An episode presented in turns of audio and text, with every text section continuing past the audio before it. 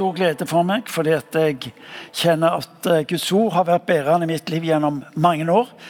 Og har enda større forventninger til den tid som ligger foran meg. Nettopp med bakgrunn i min egen erfaring av at Gud har gitt oss sitt ord, ikke til informasjon, men til transformasjon. Det er et perspektiv. Så du leser ikke primært for å øke kunnskap, men du leser for å øke kjennskap, relasjon. Og det er klart De folka som du har relasjon med, de gjør noe med deg, og livet ditt blir forvandla. Ja. Eh, hvis det er noen som sitter bak på lysbordet, kan den vennligst skru opp lyset. Så jeg eh, kan ikke stå her og se ut i salen og ikke se et eneste fjes. omtrentlig. Så nå kommer lyset på. Bare vent til det kommer på. Eh, åh, velsigne deg. Er du ikke enig? Dere ser meg òg nesten litt klarere. Eh, vi har eh, denne høsten begynt på en serie som eh, gjør noe med oss, gjør mye med oss, og som jeg tror skal eh, både prege og forvandle våre liv, men også er vårt mål og vår drøm og vår bønn at det skal prege våre omgivelser. Men før vi går inn på eh, det som er tema for folk, ja, Hvorfor skal vi eh, elske muslimer? Hvorfor akkurat muslimer? Så er vi nødt til å forstå hvorfor kirka. Fordi å snakke om å elske noen i en kristen kontekst uten å forstå utgangspunktet, så kan det lett bli både jobb noe vi tvinges til, eller vi ikke helt forstår vitsen med. Det mest kjente ordet for oss når det gjelder misjon, er det som vi leser om i Matteus evangeliet kapittel 28. Eh, der står det at da trådte Jesus fram og talte til dem. Jeg har fått all makt i himmelen og på jorden, går derfor og gjør alle folkeslag til disipler. Døden til Faderens og Sønnens og Den hellige ånds navn, og lær dem å holde alt det jeg har befalt dere å se. Jeg er med dere alle dager inntil verdens ende. Gå derfor ut og gjør alle folkeslag. Det interessante er jo at eh, når du leser Bibelen, og du leser Bibelen i sammenheng, så vil du oppdage at eh, misjon eller å nå mennesker med Guds godhet er ikke noe som starter i det såkalte Nytestamentet. Dette har vært Guds hjertes holdning gjennom eh, hele det skrevne ord. Eh, vi leser også, bare for å gripe tak i tekst som ligger mye tidligere, fra Jesajas kapittel 49. Der står det Gud sier det er for lite at du er min tjener som skal gjenreise Jakobs stammer og føre de bevarte av Israel tilbake. Jeg gjør det til lys for folkeslag, så min frelse kan nå til jordens ende. Det ligger i Guds vesen, som starter lenge før det er snakk om kirka, at det er et mål om å nå ut med min godhet og nå ut med min frelse. Og Det er litt interessant, for når du leser i Gamle testamentet, så, så det er en liten bok som kalles for Jonah-boka. Det er denne traven vet du, som ble kalt av Gud. Og så tenkte han ikke 'søren, jeg går'. Og så sprang han vekk, og så plukka Gud han opp der han var i magen på en hval. Eh, Gud ba han om å dra til Ninive. Det var en by og Det var mye ondskap i denne byen, og Jonas fikk beskjed om at du drar til den byen, og så lyser du domsord over den byen pga. deres ondskaps. Og så stikker Jonah av. Det er jo, det er jo grådig modig gjort når han har med allmaktens Gud å gjøre, men det er det han gjør. Han stikker av, blir plukka opp som jeg sa, i magen på en hval og blir spytta på land. Og så sier Gud, 'Har du bestemt deg? Vil du se og skjerpe deg?' Og så sier han, 'OK, jeg går'. Og så går han til Ninive. Han eh, kommer med domsord til denne byen. Og så omvender byen seg, og Jonah han blir pottesur. Han går fullstendig i lås. Det er slik som han Ja. Og så er det en interessant samtale mellom Gud og Jonah. Fordi at Gud, Hva kan holde på med? Hvorfor er du så sur? Jo, fordi at eh, jeg visste jo at du kom til berga di. Du er jo sånn du er. Jonah hadde ikke noe ønske om å bevege seg ut i det behagelige. Og Du kan spørre hvorfor ikke. Ja, det kan, være, kan det være at han ikke vil ha en sånn en konkurrent åndelig ved siden av, av Israel eller av, av, den jødiske nasjonen? Var det det? I don't know. Men det er interessant at han visste at eh, når han lyste domsordet over byen, så var faren stor for at folket ville omvende seg. Og Da tenkte han det var jo en liten vits i han holdt på med, for de ble ikke utsletta likevel. Jeg visste at du kom til å tilgi dem. Så tidlig leser vi i Gamle Testamentet om hvordan Gud er opptatt med å, å nå ut med sin kone. Det har alltid vært på Guds hjerte å nå ut med sitt liv. Eh, Kirka i Norge, misjonsfolket i Norge, har alltid hatt en brennende interesse og engasjement for å nå ut, akkurat som det står i Bibelen vår. Om å nå ut med evangeliet, slik at mennesker kunne berøres av, erfare at Gud er god. Norge er internasjonalt har vært kjent for sine mange misjonærer og sin misjonsvirksomhet. Det er interessant at Før reiste vi ut på misjonsmarka. Nå, i en moderne tid, så opplever vi jo mer og mer at misjonsmarka har kommet til oss. Alle de menneskene som vi ønsker å nå der ute med Guds godhet, med Guds nåde, med Guds frelse. Vi ser jo i dag at det er en betydelig eh, oppblomstring av eh, miljøer som kommer utenfra. Og Det tvinger oss til å tenke eh, misjon på en helt ny måte. På et vis så er vi ikke lenger et folk som sender misjonærer ut, men vi er et folk som faktisk som misjonærer tar imot. Vi er på vei til å bli i enda større grad ei mottakende kirke, som det før var ei sendekirke. Og Det er litt viktig for oss å ha i mente når vi skal forstå det som skjer rundt oss. Og så er det noe som er problematisk i dette. For hvorfor er det sånn en motstand? Spesielt fra kristne folket. Hvorfor er det en sånn motstand mot innvandrerne, mot innflytterne? Og det var En som sa det slik Kanskje møter vi noe av det mest fortvilte i en nasjon. Det er den såkalte nasjonalismen, hvor vi, vi skal beskytte vårt eget. Frykten for innvandrerne er primært at vi er redd for at de skal ta av vårt. Og så er det greit å sende misjonærer ut. Men så skulle ta imot de virker truende på det som er vår livsstil, våre livsrettigheter, og så velger vi å skyve de ut. Kirkas kall er veldig enkelt, folkens. Det å elske mennesket. Hvorfor kirke? elsker mennesket? Folk spør jo hvorfor kirka å elske mennesket. Vi driver en hel masse ting for at det skal bli synliggjort. Men det, det essensielle er å elske mennesket. Det interessante Jesus snakket aldri om å vinne mennesker, han snakket om å elske mennesker. For så høyt har Gud elska verden. Og det er, en, det er en type fokusforandring i det der. For hvis vi er opptatt med å vinne, så gjør vi mennesker og miljøer til objekter, prosjekter.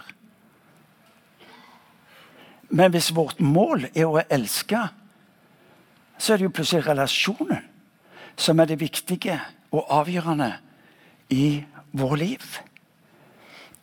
For så høyt har Gud elska verden.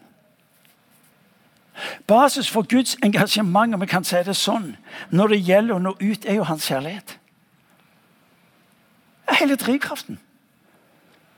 Det er hele målet med det, det er å elske.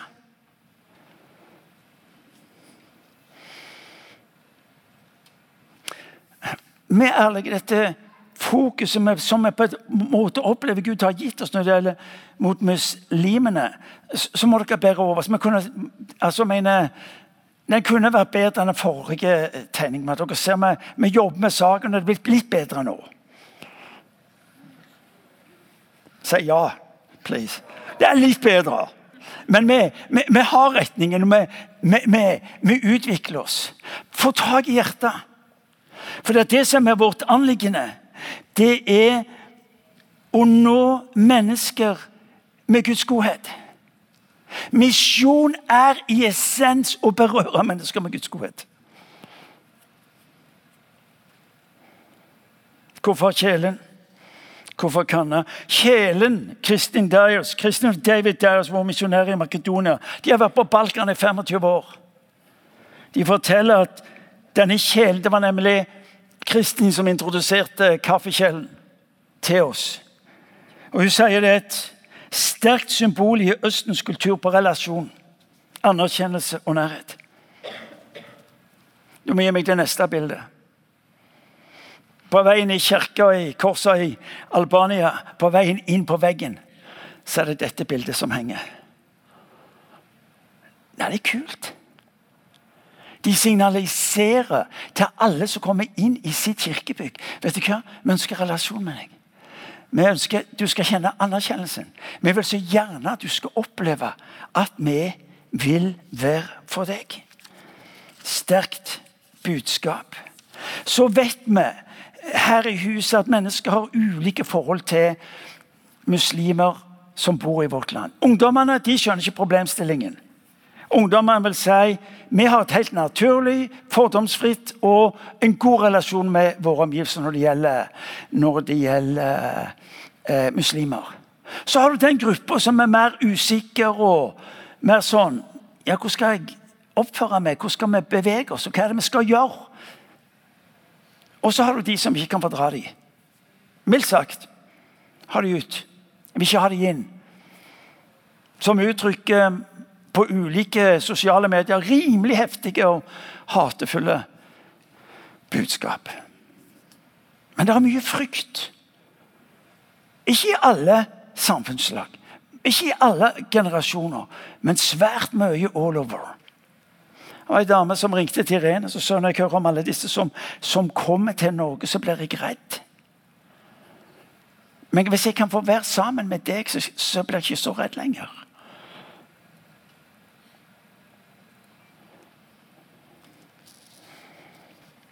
Hvorfor fokus på, på muslimer? Hvor var det det starta? Første Mosebok, kapittel 16. Det er, det er Abraham som har fått et kall på livet sitt. Og Så drar det ut, og så skal han begynne å fikse tingene på egen hånd. Kona Sara kommer med tips. Du, du må skaffe deg en arving, for det er arving som skal føre velsignelsen videre. Det var et nobelt anliggende. Abraham, du må skaffe deg en sønn. Og så tar han da slavekvinnen Haggar, og så blir hun gravid, og så får hun en sønn. Og så skjer det noe i det huset. Alt dette leser du om i kapittel 15 og 16 i første Mosebok. Og Det som er det interessante, det er at når Haggar blir gravid og er med barn, så skjer det noe mellom henne og Sara. Og eh, Abraham eh, sender henne ut i ødemarken. Ut i ødemarken så kommer Gud til henne og så sier han, du må vende tilbake igjen. Og Så må du ydmyke deg under Sara, og så skal du bære fram den sønnen som du bærer på.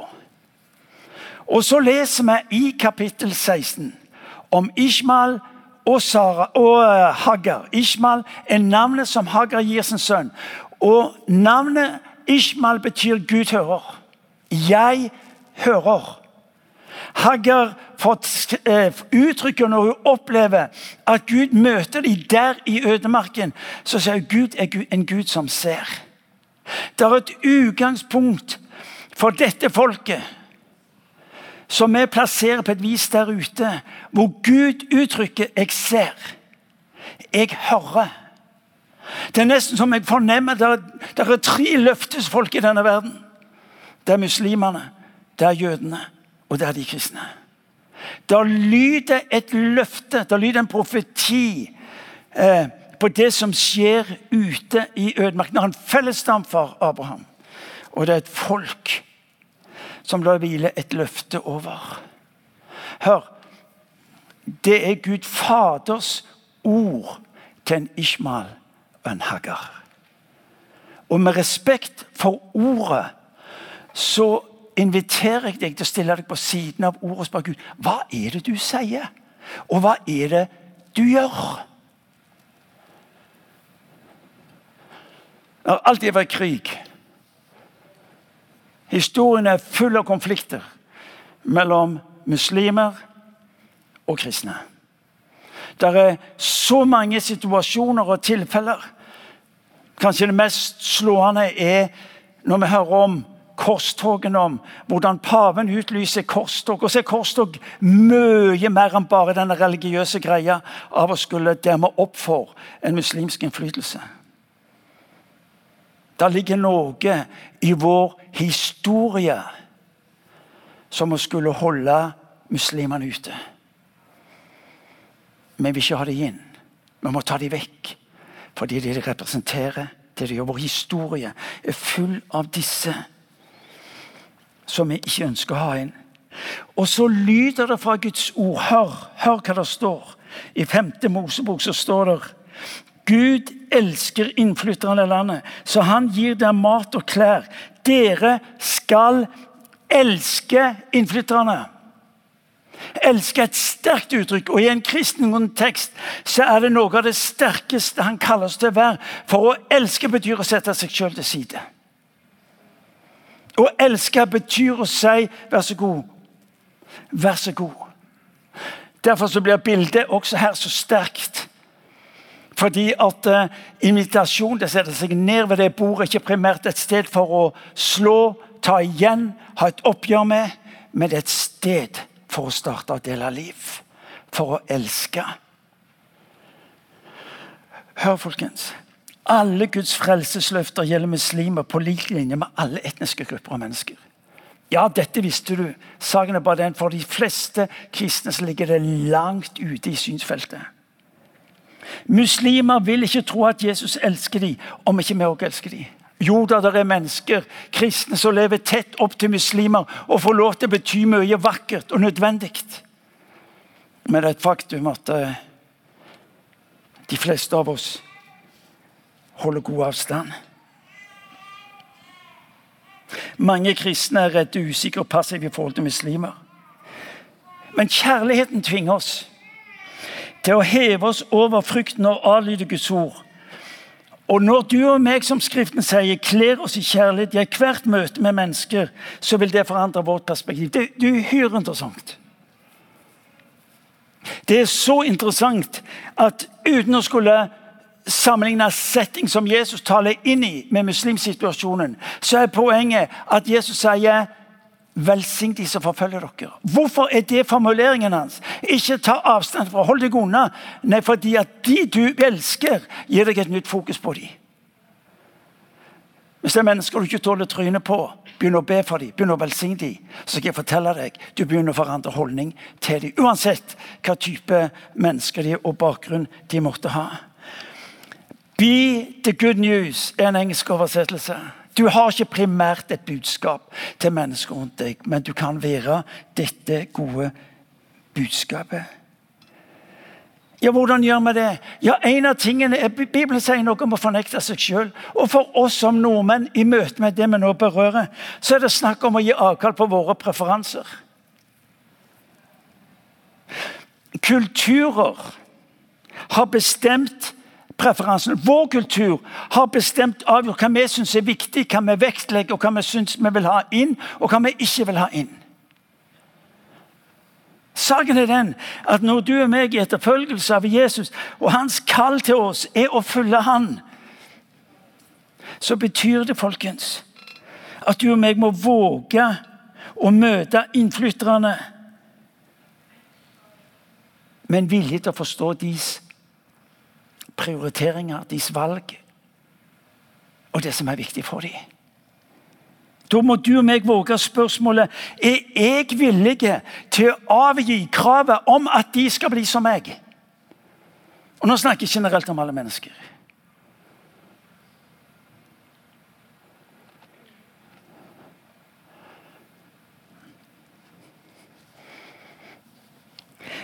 Jeg velger å gi avkall på mine egne preferanser for å kunne verdsette en annen persons kulturelle preferanser. Selv om denne personen bor i vårt eget land. Er interessant at Paulus sier i første brev til korinterne kapittel sier jeg er alt for alle. Jeg har ingen reservasjoner. Jeg er jøde for jøder og greker for grekere. og er noe der som han kaller oss inn i. Slutte med kravene. Slutte med kravene de som ikke er typiske norske.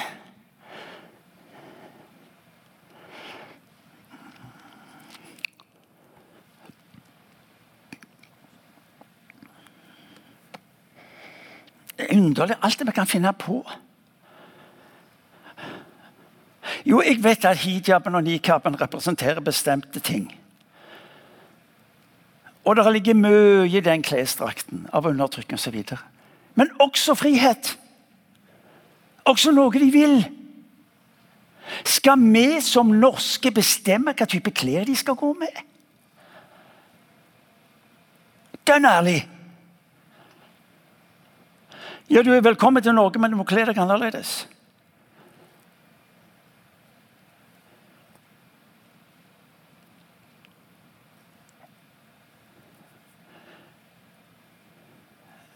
Jeg er født i England, flytta til Norge. Det er ingen som kommer med krav om bestemt type klær. Hvis denne klesdrakten representerer trygghet med hensyn til kultur og tradisjon, religion Husker jeg sa? Jeg vet at plaggene representerer mye annet òg. Men jeg er redd for at debatten om klesplagg springer ut fordi vi kjenner på noe av frykten av det ukjente osv. Jo, det er klart at i enkelte yrkessituasjoner så, så må klær være Det er klart. Men det er på et vis ikke selve saken. Saken er at den, de der klærne gjør noe med oss. Jeg husker jeg satt på flyet etter eh, eh, 11. september bare noen dager skulle til Oslo. Der satt ei dame med hijab. Og jeg tenkte, kjære Gud, hva kan skje nå? Det er sikkert bare meg som har tenkt sånn. Jeg nevnte det for en annen, jeg tenkte akkurat det samme. Dette er ikke et innslag eller en debatt om klær. Men det har noe om våre krav.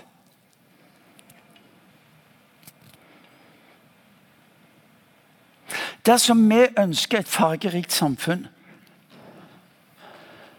så man må våge det. Vi lever i en tid hvor det fargerike i enda større grad kommer til å prege Norge og i årene som kommer. Det har vært en debatt om de skulle bygge moskeer.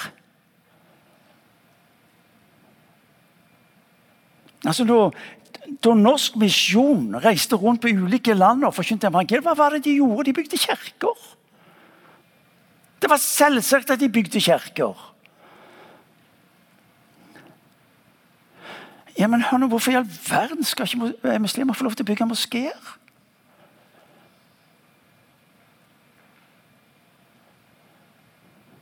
For hva ligger i det? Det ligger anerkjennelse av hvem de er, med hele seg.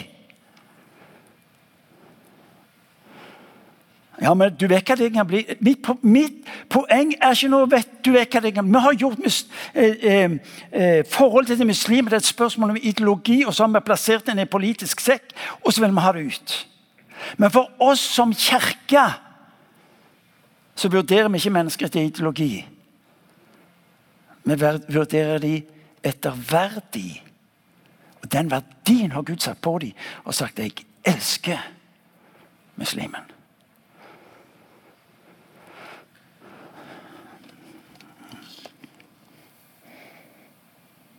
Det er et faktum. Kristin Deres, vår gode venn og misjonær, hun sier Martin, hun møter stadig vekk muslimer som har bodd her i 10-15 år. De har aldri blitt invitert inn. De har aldri blitt invitert inn i et norsk hjem.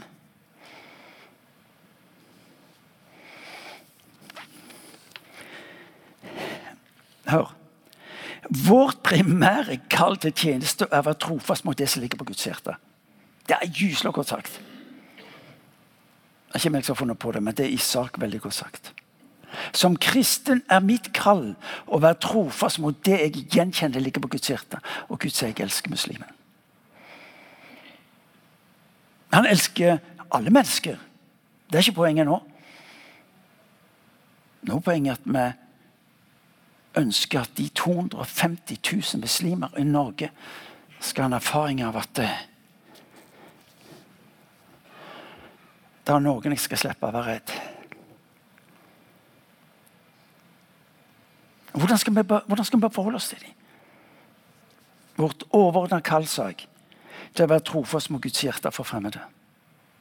Hvordan kan det se ut? Jo, det kan se ut slik at du, du velger å begynne å be for muslimene. Du ber om velsignelse for dem. Det er uhyre interessant at når israelsfolket er i fangenskap i Babylonia, så er ordet fra profeten be om at det skal gå dette landet vel. De som holder de i fange, be om at det skal gå de vel. Far, du må velsigne muslimen. Du må velsigne virksomheten hans. Du må velsigne familien hans. Du må velsigne Og så er vårt kall til å velsigne. Gud, vil du, vil du velsigne dem? Ja, men det kan du gjøre. Du trenger ikke hoppe særlig høyt for å gjøre det. Og så kan du lære av det som ble Ishmael og Hagai sin bekjennelse. Gud, du ser. Gud, vil du hjelpe meg så jeg kan se? Det er min bønn. Jeg har jo aldri sett muslimer. jeg.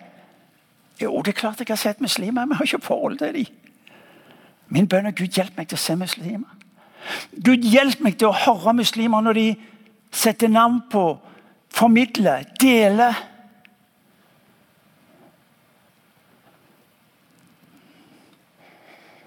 Hjelp meg til å være noe for dem. Tenk om det blant muslimene ble kjent at dersom de hadde problemer, så gikk de i kirka. Og kirka de gikk, har du problemer, så må du gå i kirka. De vurderer deg ikke i henhold til De møter deg fordi du har verdi.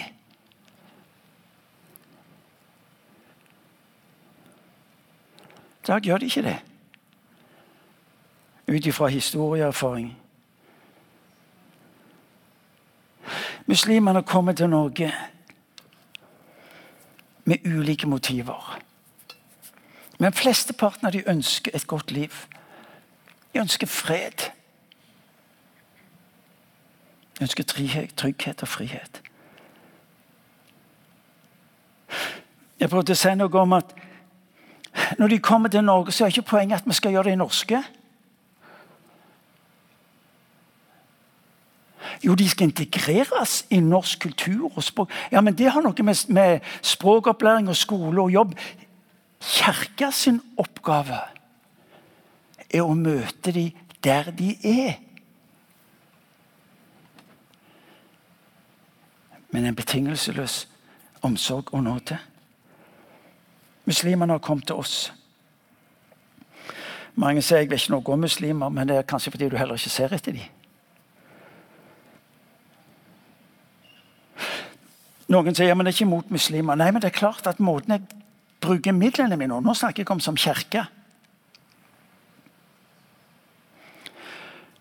Det er et faktum i dag så brukes 95, hør nå, 95 av alle penger av alle misjonærer og av alle ressurser med tanke på misjonsmarker brukes i land og på steder hvor det er etablert kirker, eh, kristent arbeid.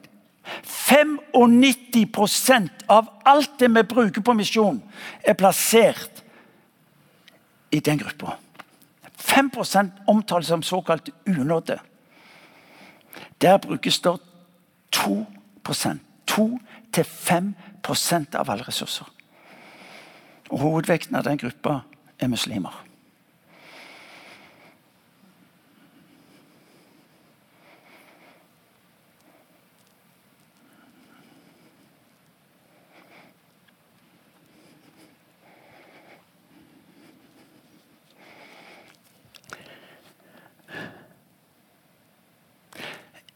Min tese det viktigste er ikke hva du gjør for muslimen, men hvem du vil være for ham. Vi har vært tydelige på at vi ønsker ikke noen masse aktivitet og virksomhet mot dette miljøet.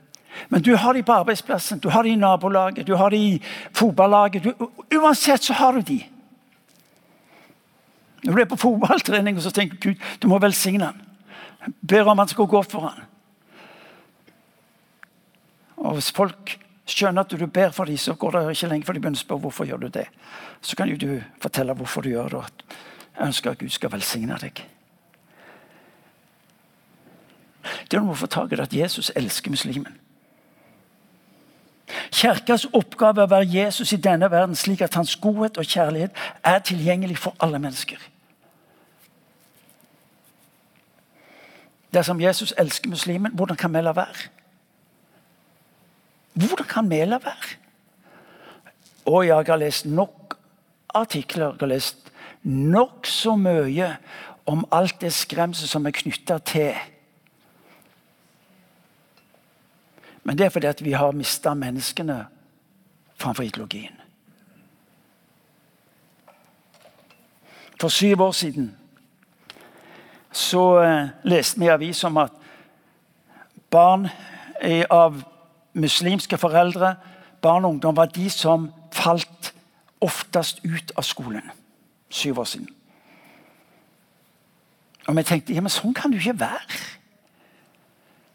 Vi kan ikke leve med at de som er innflyttere i vårt land, mange har bodd her i mange år, opplever at ungene ikke kommer til rette med.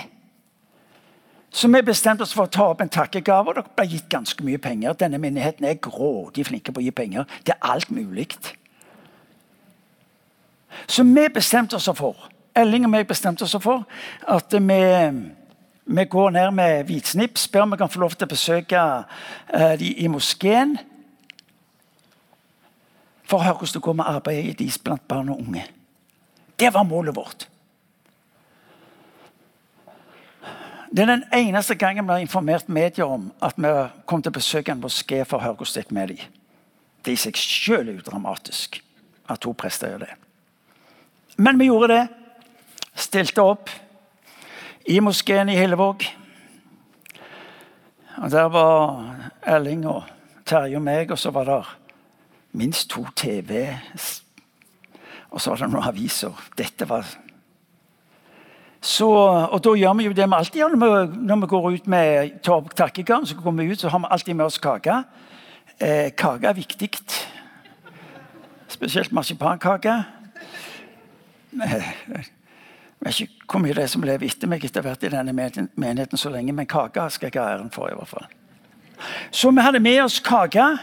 Og når vi omtrent når vi spiste kjelerkake, for vi var ikke mange nok, så, så får de denne sjekken med et betydelig antall penger som, hvor vi sier denne øremerka for barn og ungdom. Slik at dere kan eh, ha aktiviteter, språkopplæring, hva det måtte være, som gir dem muligheten til å lykkes. Han takker takknemlig, og så sier journalisten til han, du, eh, hva gjør det med deg at du nå får denne sjekken med alle de pengene? Og så sier han jeg har aldri glemt det. Og så sier han kaka var god. Pengene skal vi bruke i henhold til det som er intensjonen. Men det som gjør inntrykk på meg, det å møte noen som har et hjerte for det vi brenner for, og som betyr så mye for oss, nemlig våre barn og unge.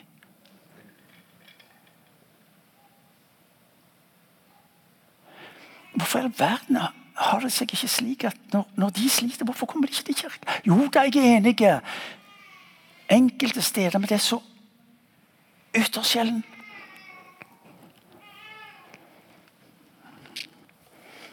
Paulus sier i Romerbrevet kapittel 1 så skal jeg slutte. Paulus sier jeg står i gjeld. Det er uhyre interessant. Uhyre interessant. Han nevner ulike etniske grupper, og så sier han jeg står i gjeld. Du og meg i dette huset som er Jesus etterfølgere, vi står i gjeld til den muslimske befolkningen. For dersom de ikke erfarer Guds nådige nærvær og godhet ved hans barn, så holder vi tilbake det som rettmessig tilhører muslimene. En gang til.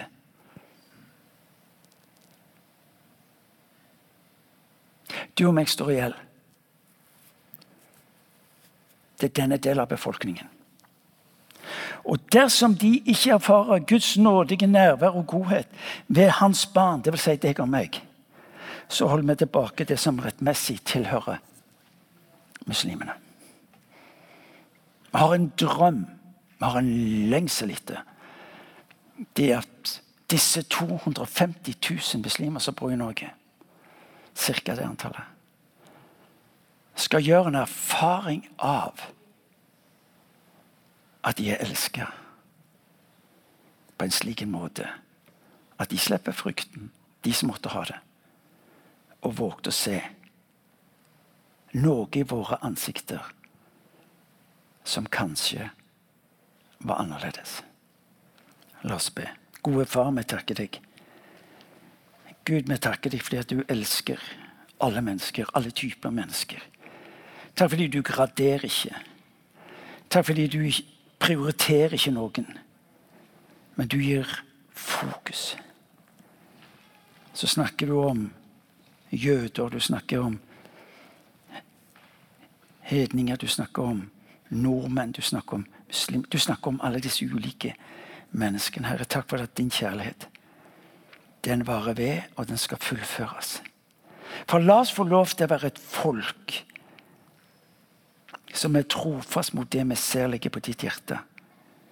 Slik at menneskene rundt oss, og muslimer inkludert, kan våge å tro Gud. At du er god. Og at den nåden ved Jesus Kristus som du rekker oss, gjelder alle mennesker. Far, vi ber om det i ditt navn. Amen.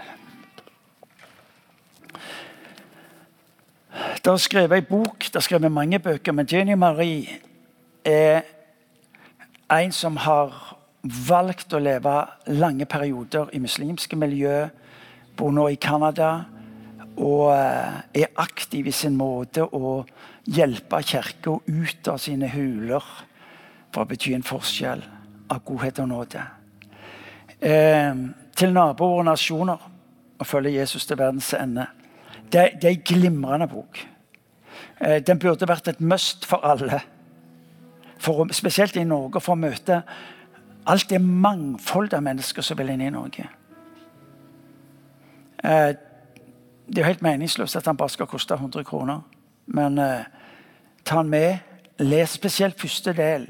er vanvittig eh, både oppmuntrende, den er inspirerende, men den har også masse råd og tips på hvordan være denne godhetens figur i møte med mennesker som er annerledes. Eh, du tar den med deg der ute, og så vippser du. Og så må du ha lykke til med lesinga. Den inspirerte og oppmuntra meg helt spesielt. Så derfor er det vi har tatt den inn, og anbefaler deg å lese den. Okay.